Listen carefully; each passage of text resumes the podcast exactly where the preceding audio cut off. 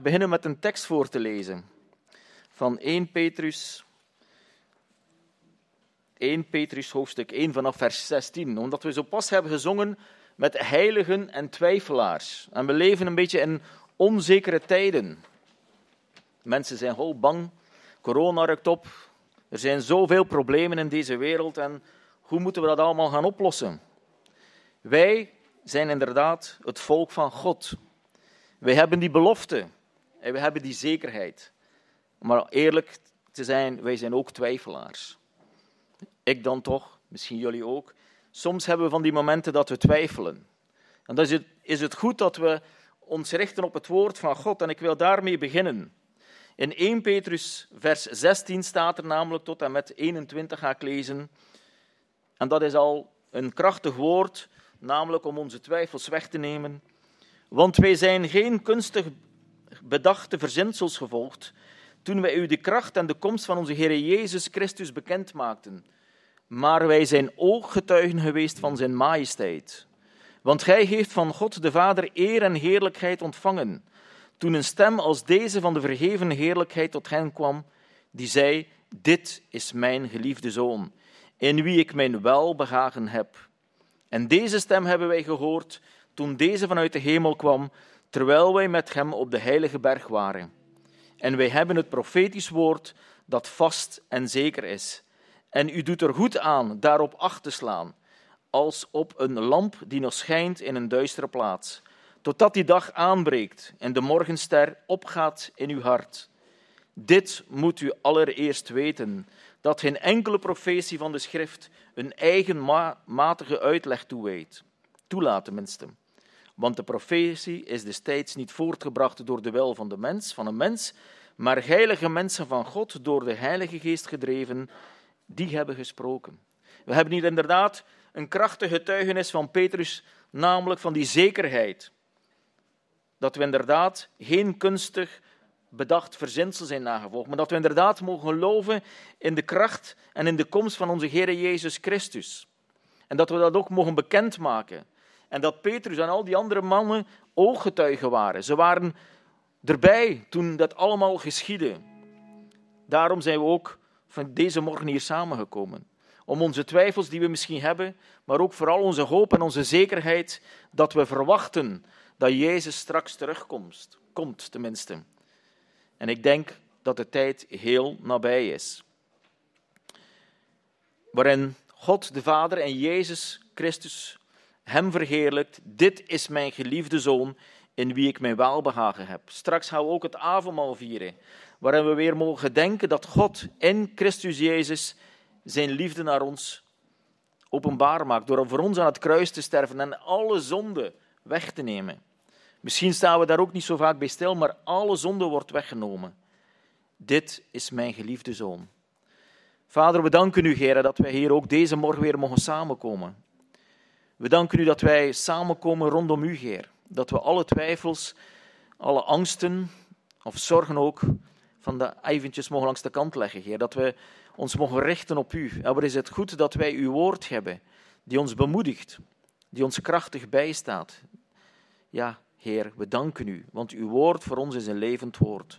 We vragen u zegen over onze dienst, Heer. Wilt u alles leiden? Ook voor het woord straks, Heer, wilt u ook met Guy zijn, zodat hij ook echt een, een krachtig en een bemoedig woord voor ons mag spreken. En we danken u dat u hier in ons midden bent, Heer. We eren u, Heer. We loven en we danken u. En vergeef het ons, Heer, dat we zo vaak u vergeten te danken voor het goede dat we van u elke dag krijgen. Met een dankbaar hart komen voor uw troon van genade, Heer. Jezus onze Heer. Amen. We gaan nog een lied of drie zingen, dan krijgen we het kindermoment. Daarna krijgen we de preek. En dan sluiten we nog af met twee liederen. En na de preek krijgen we ook nog het avondmaal. Zo, geniet ervan.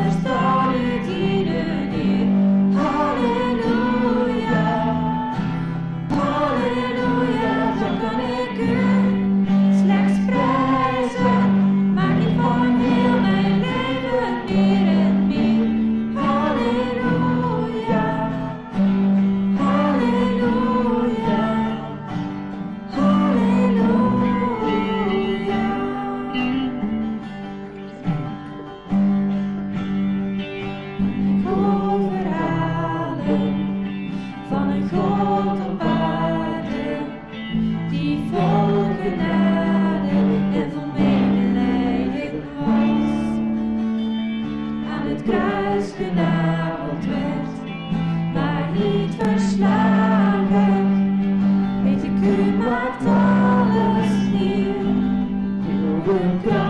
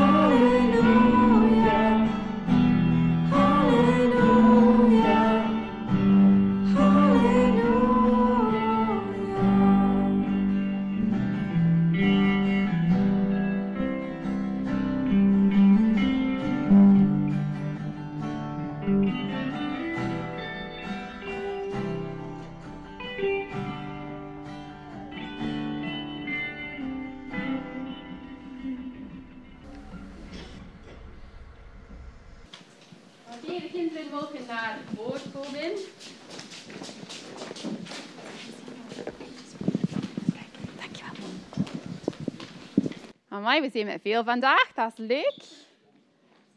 Hallo iedereen. Alles goed met jullie?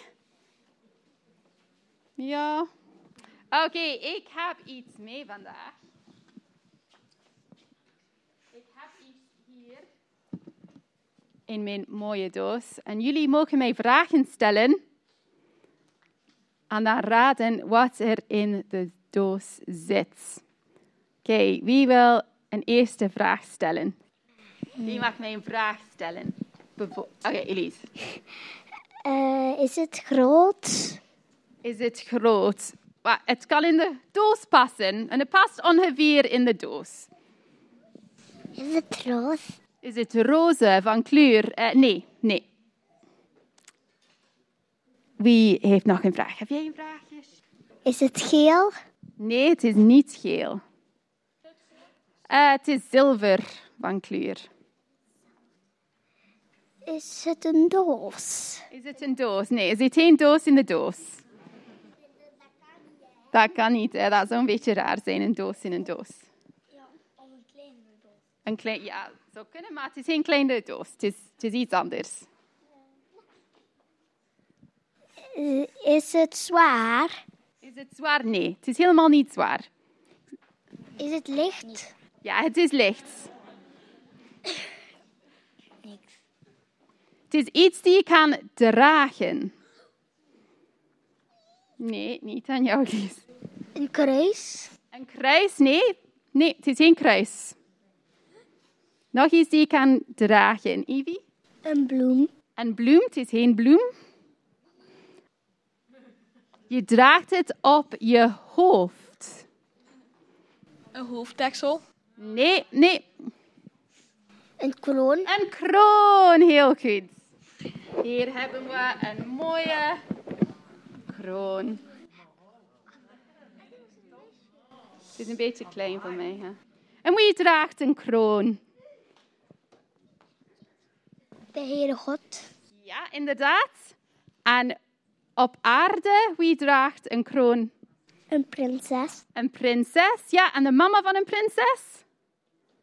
De koning en koningin? Ja. En vandaag in de zondagklas gaan wij leren over een koningin uit de Bijbel. Esther, heel goed. En weet je, de naam Esther, wat betekent de naam Esther? Weet iemand dat? Het heeft iets te maken met wat ik heb gedaan met de kroon. Ja, verstoppen, verbergen. Ah, dat is een beetje van een rare betekenis hè, voor een naam. Maar zij moet. Sorry? Zij is een koningin, Esther, en haar naam betekende verbergen. Ja, zij was dan koningin geworden en zij. Niet echt, maar we gaan dat leren in de zondagschool, oké? Dus, ja, oké, oké. Eventjes wachten. Oké. Dus zij was een koningin en zij had iets dat zij moet verbergen. Ze had een geheim. Maar daarover gaan we leren in de zondagschool. Wat de geheim was dat Esther moet verbergen. Maar we gaan dat leren in de zondagschool. En nu gaan we onze lied van de maand doen. We hebben dit twee weken geleden geleerd in de eh, kinderdienst. Herinneren jullie nog wat het was? Eh, uw woord is een licht voor mijn voet en een lamp op mijn pad. Ja, inderdaad.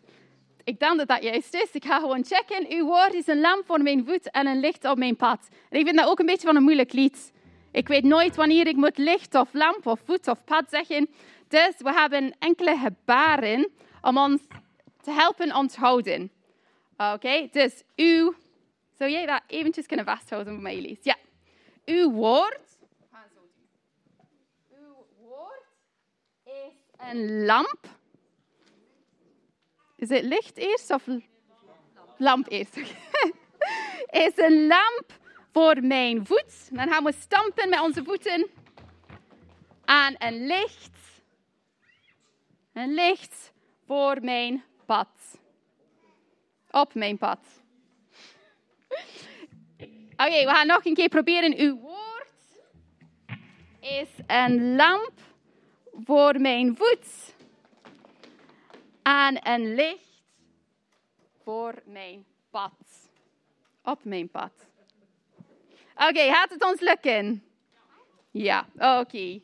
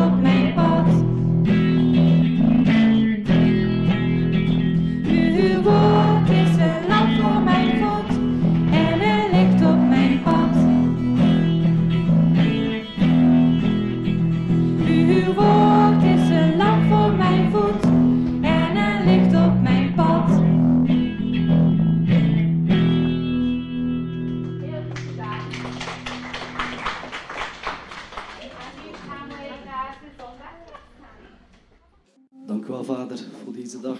Deze mooie dag dat we hier samen kunnen zijn. Zijn hier om u te danken, om u te zoeken. Echt om nog eens eh, uw woord te ontvangen, Vader. We kijken echt uit naar wat u ons te brengen heeft, Vader. Raak ons harten allemaal aan, Vader. En leid ons echt op de weg.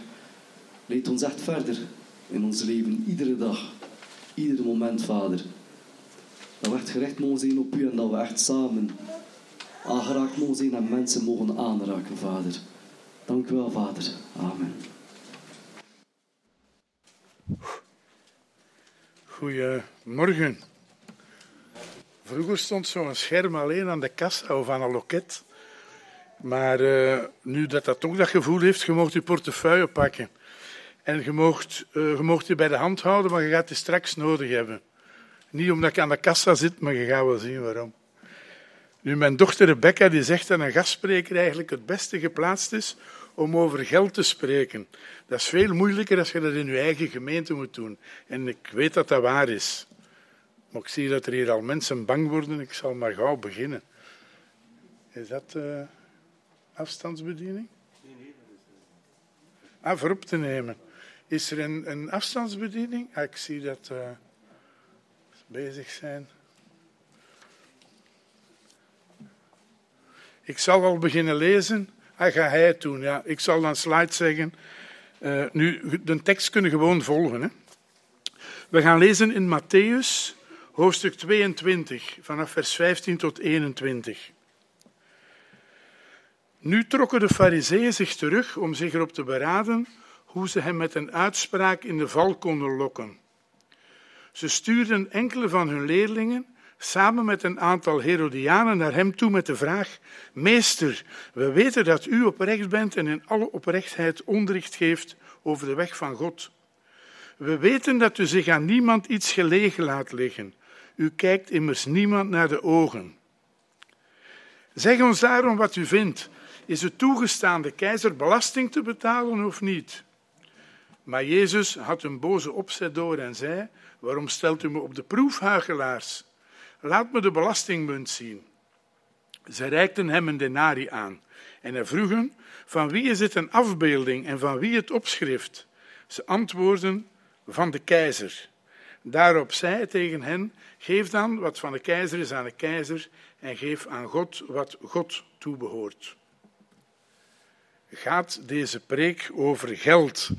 Die tekst wordt onder christenen heel vaak gebruikt om elkaar op te roepen tot gehoorzaamheid aan de overheid, vooral op het vlak van belastingen. Nu, volgens mij heeft deze tekst er weinig of niets mee te maken. Eigenlijk gaat het hier totaal niet over belastingen. Ja, dank u. Maar ik kom erop terug. Blijf nog even zitten, we gaan eerst bidden. Dank u, Heer Jezus, dat we deze moeilijke tekst deze morgen mogen bespreken. Heer, ik wil bidden dat u uw zicht daarop naar boven haalt. Heer, geef ons ogenzalf, zodat we zullen verstaan wat u in uw woord zegt. Leid ons door uw heilige geest, Heer Jezus. Zegen elk van ons die hier zit, Heer, en spreek tot ons hart in de naam van Koning Jezus. Amen. Laat ons eerst en vooral keer bekijken waar dat die tekst die we gelezen hebben zich situeert. We bevinden ons, als we dit lezen, in een van de belangrijkste en meest indrukwekkendste weken of dagen van de heilsgeschiedenis tot dan toe. Want het Pesachfeest komt eraan. En er is een massa volk in Jeruzalem en omstreken. Het zijn allemaal pelgrims die opgaan om het grote feest van de uittocht te vieren en het voorbijgaan van de doodsengel. En de dag daarvoor was Jezus eigenlijk Jeruzalem binnengereden. U kent dat verhaal.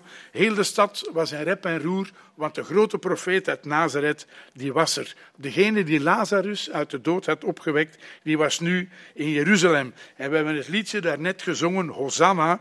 En dat betekent, och Heere, geef toch heil. Och Heere, geef toch voorspoed. Gezegenheid die komt in de naam des Heeren. Dat is ook wat de massa aan het zingen was als de Heer Jezus binnenging in Jeruzalem. En vervolgens was de Heer Jezus direct naar de tempel gegaan en hij had er een grote kuis gehouden. Dat verhaal kent u ook, dat hij het geld op de grond gooit en de wisselaars en de handelaars daar buiten kegelt. De dag erna, en dat is nu, is hij terug in de tempel en direct stapt er een delegatie van de overpriesters en de oudsten op hem af en die geven hem een grote mond. Hé hey, rabbi, namens wie doe je dat er allemaal? Wie heeft u bevoegdheid daarvoor gegeven? En dan komen er allerlei twistgesprekken met de Joden. En dan begint de Heer Jezus hen te bestoken met allerlei gelijkenissen. En toen de overpriesters en de fariseeën die gelijkenissen hadden gehoord, dan begrepen ze dat de Heer Jezus over hen aan het spreken was. En dan wilden ze hem doden. Dus ze gingen weg om te beraadslagen. Ze trokken zich terug in conclaaf, zouden we vandaag zeggen. En ze zouden gaan onderzoeken hoe ze hem konden pakken. Hoe ze hem konden pakken op een uitspraak, zodat ze hem konden laten doden.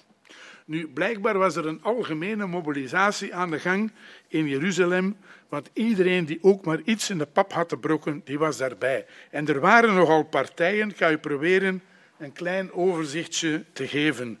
Wat wij meestal de Joden noemen, dat zijn verschillende partijen. Er waren de overpriesters, dat waren eigenlijk ex-hoge priesters, want het hoge priesterschap dat werd in die tijd gewoon gekocht. Dat ging al lang niet meer over van vader op zoon. Dan waren er de oversten van het volk, zeg maar de oudsten. Dan was er een groep schriftgeleerden. En van die schriftgeleerden was er een heel pak die deel uitmaakten van weer een andere groep. De, far... De fariseeën. Allee, wat is het hier?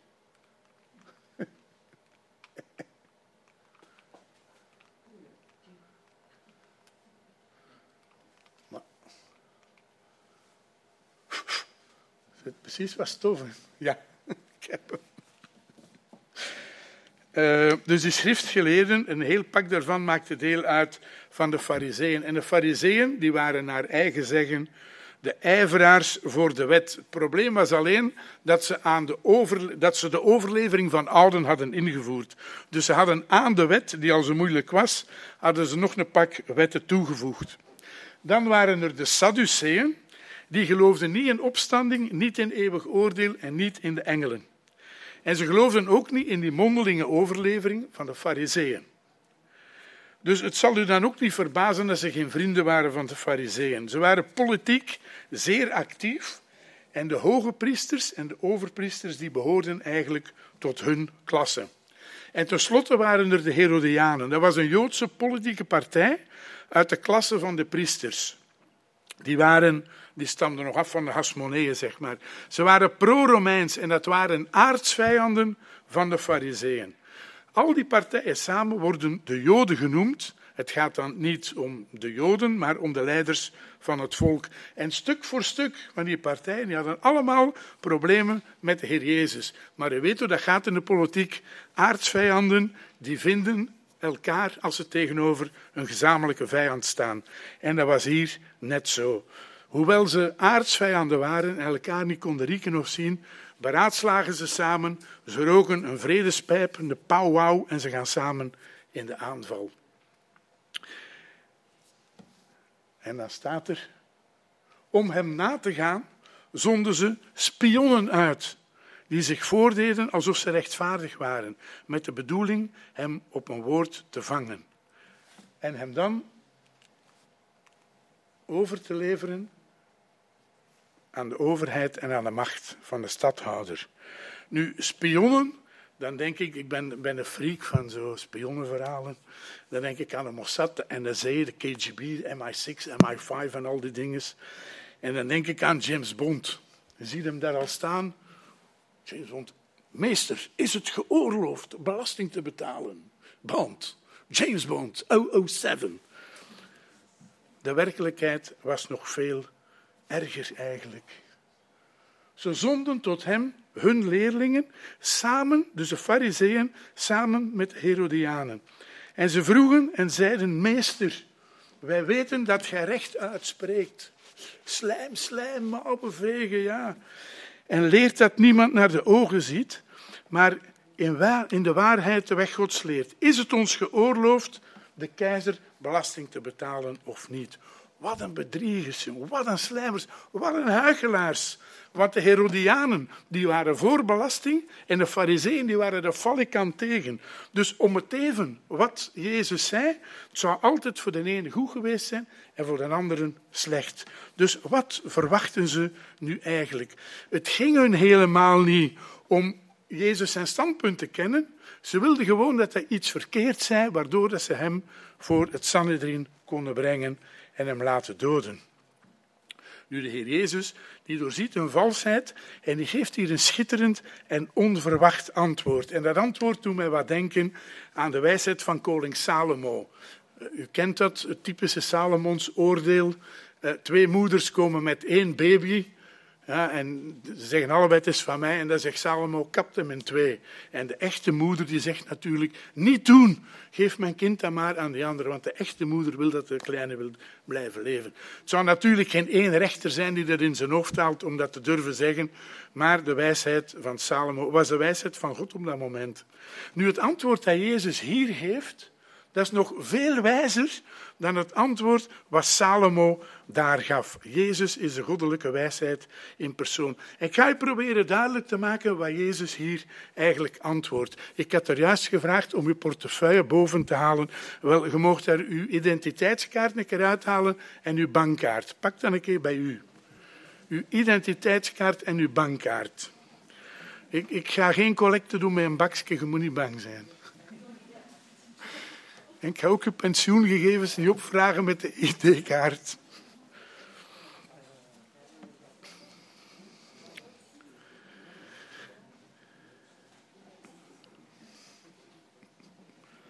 Misschien moet er een spiegeltje bij halen.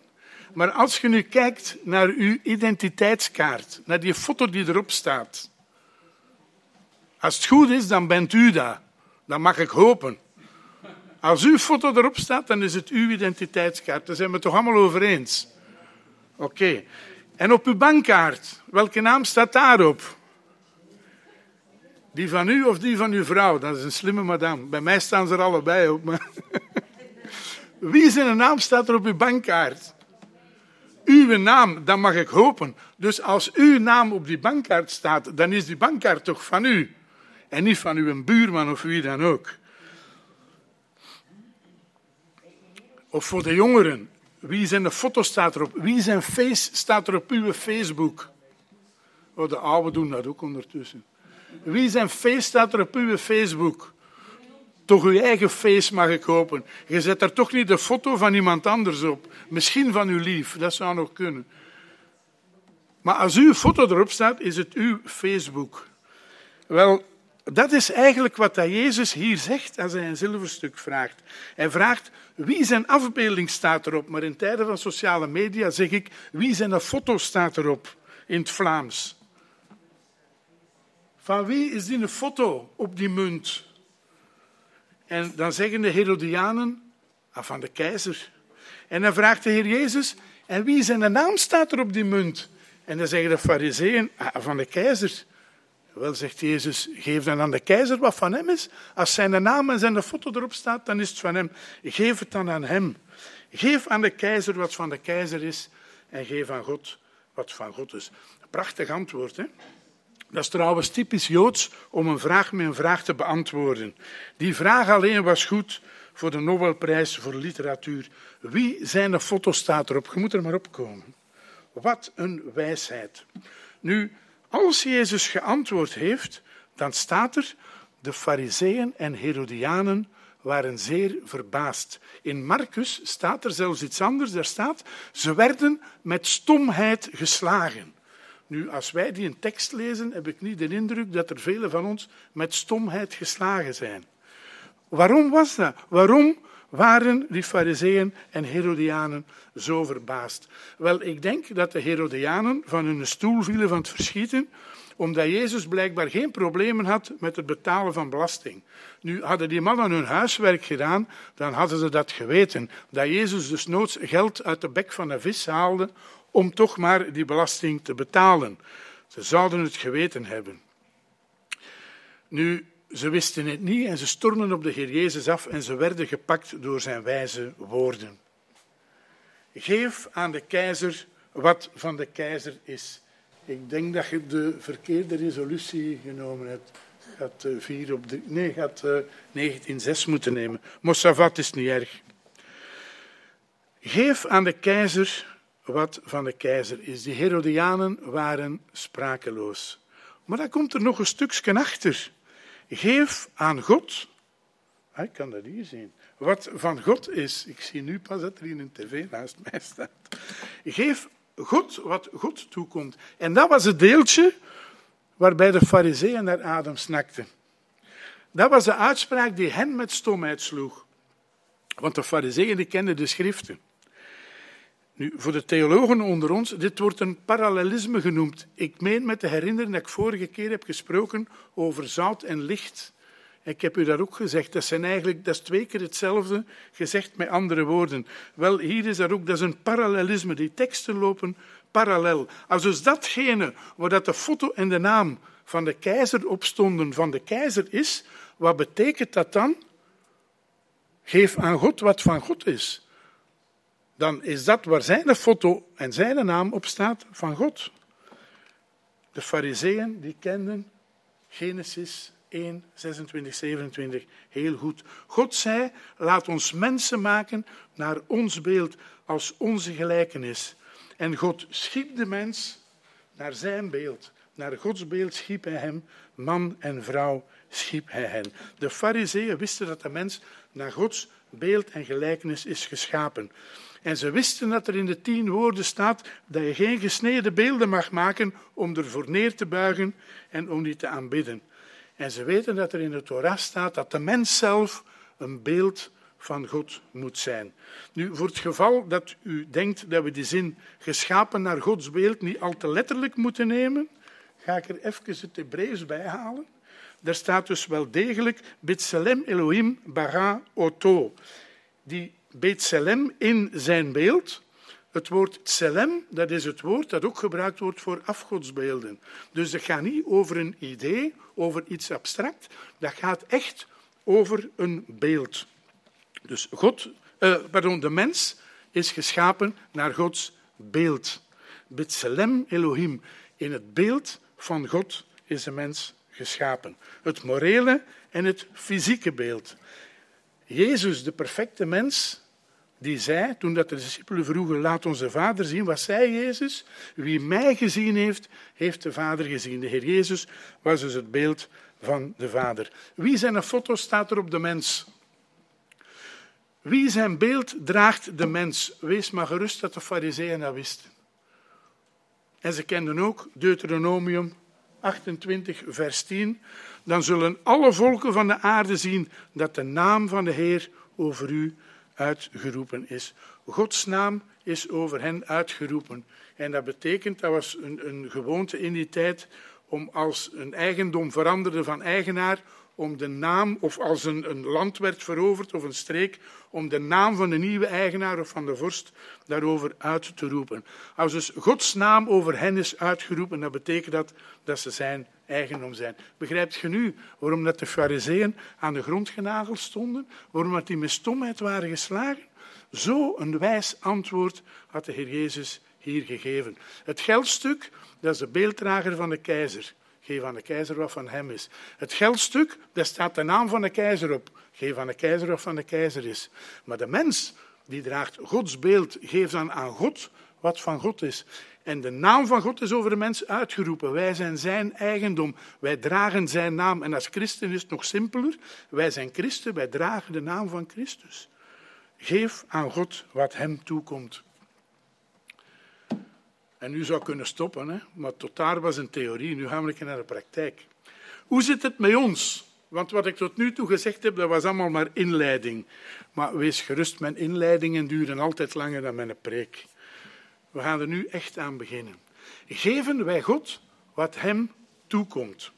Wat we kunnen natuurlijk heel gemakkelijk afgeven op die fariseeën en die sadduceeën, op die schriftgeleerden, die herodianen, op die oudsten en die overpriesters. Dat is allemaal heel gemakkelijk. Maar hoe staat het met ons? Zijn wij ook zo stom verbaasd over die uitspraak van de Heer Jezus? Of zetten we dat gewoon verder van ons af? Of voelen we ons in ons nekvel gegrepen? Zo, kennen, zoals een mama kat doet. Ik vind dat altijd schitterend. Die pakt die kleine gewoon bij zijn nek en die draagt die weg. Zo, zo doet God dat met ons ook soms. Die pakt ons gewoon bij ons nekvel en die neemt ons mee. Wie zijn foto dragen wij? Wie zijn naam dragen wij? U bent geschapen naar Gods beeld en gelijkenis.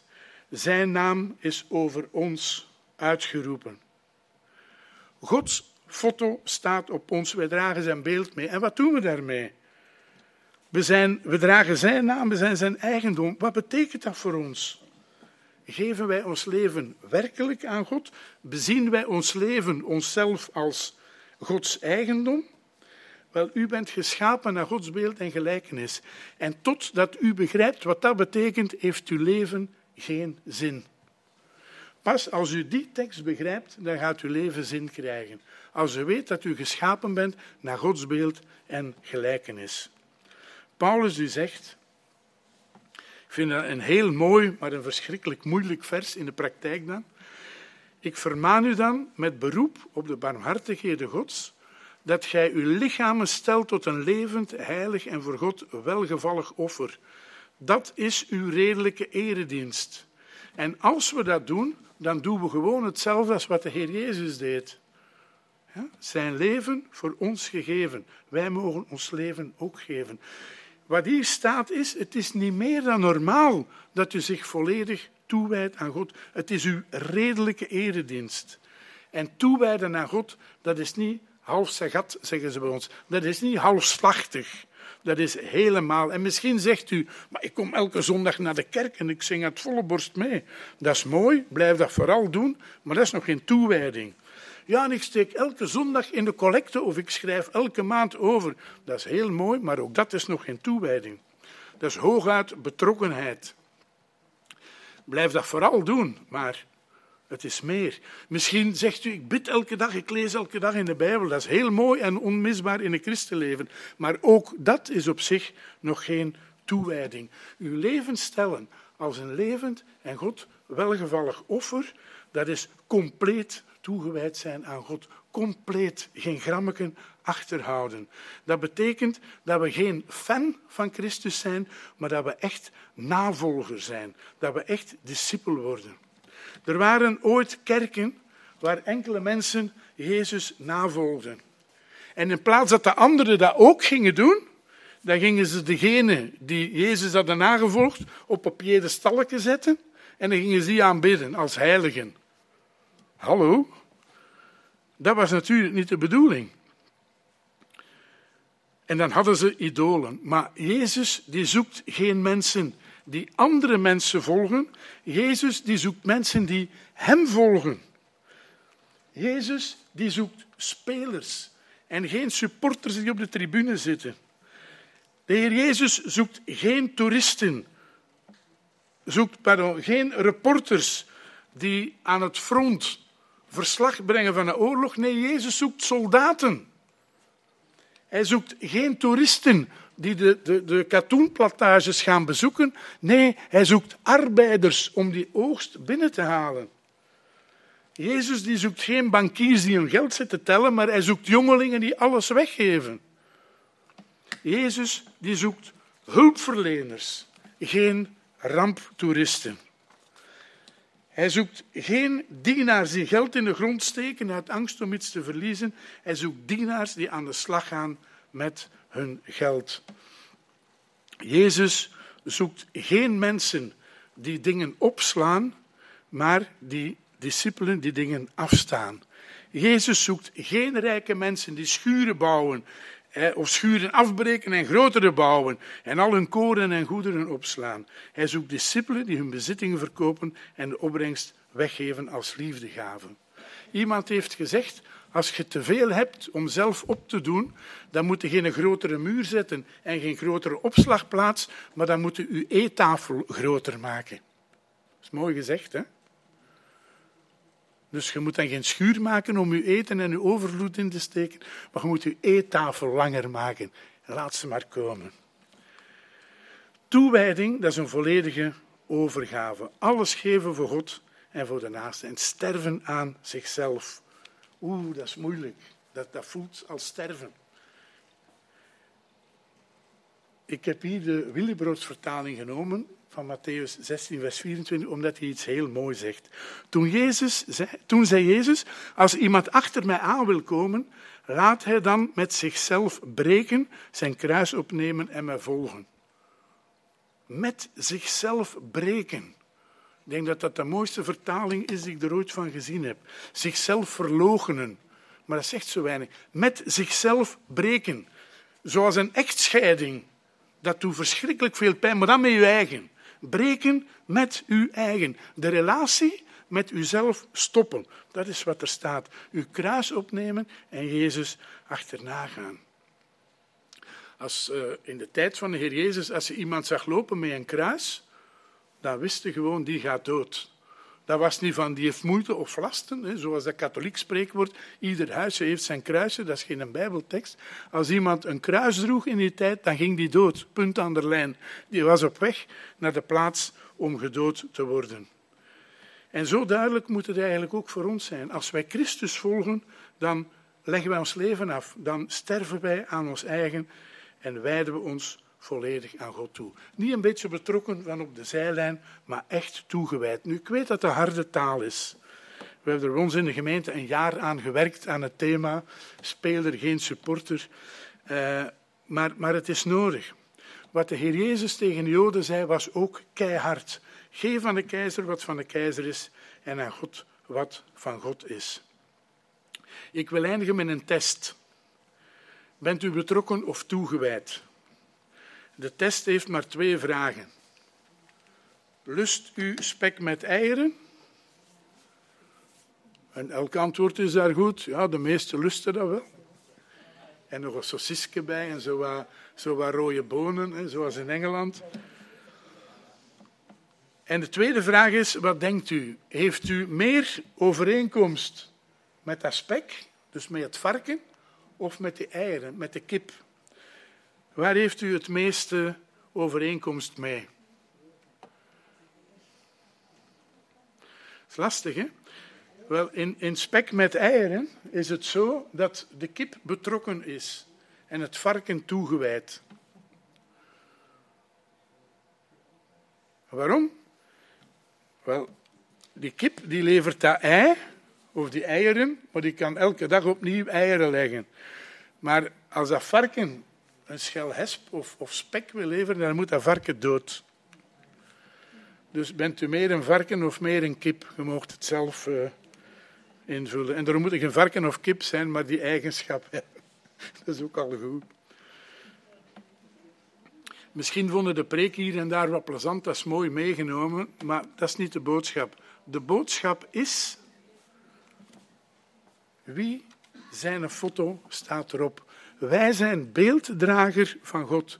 Gods naam is over ons uitgeroepen. Wij dragen zijn naam, we zijn dus zijn eigendom. Geef aan God wat God toekomt. Amen.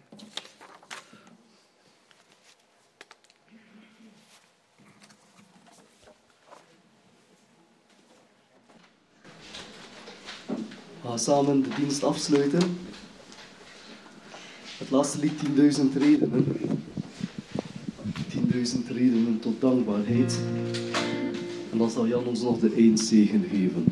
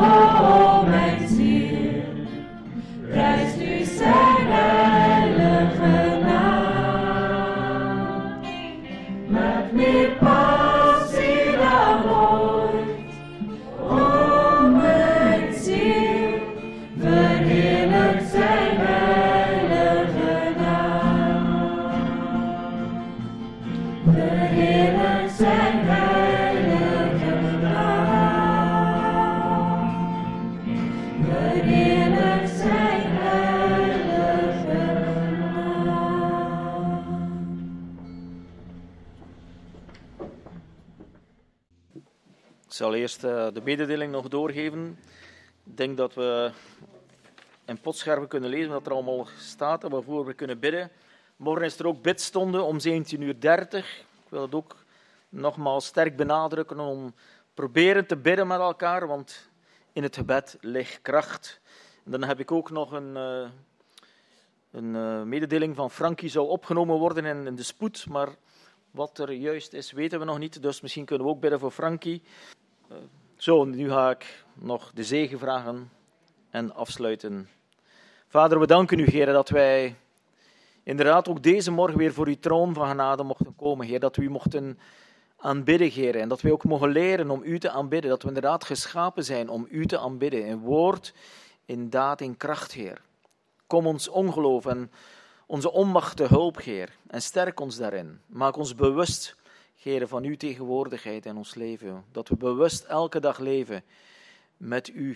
We danken u nogmaals voor het kruis van Jezus, dat we inderdaad rein zijn in de ogen van onze God door Jezus Christus, onze Heer.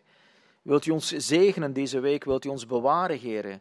Wilt u ons beschermen? En wilt u ons de moed en de kracht geven om uw woord te brengen waar nodig? Heer, we danken u dat u met ons bent. Amen. Nog een gezegende zondag en een gezegende week.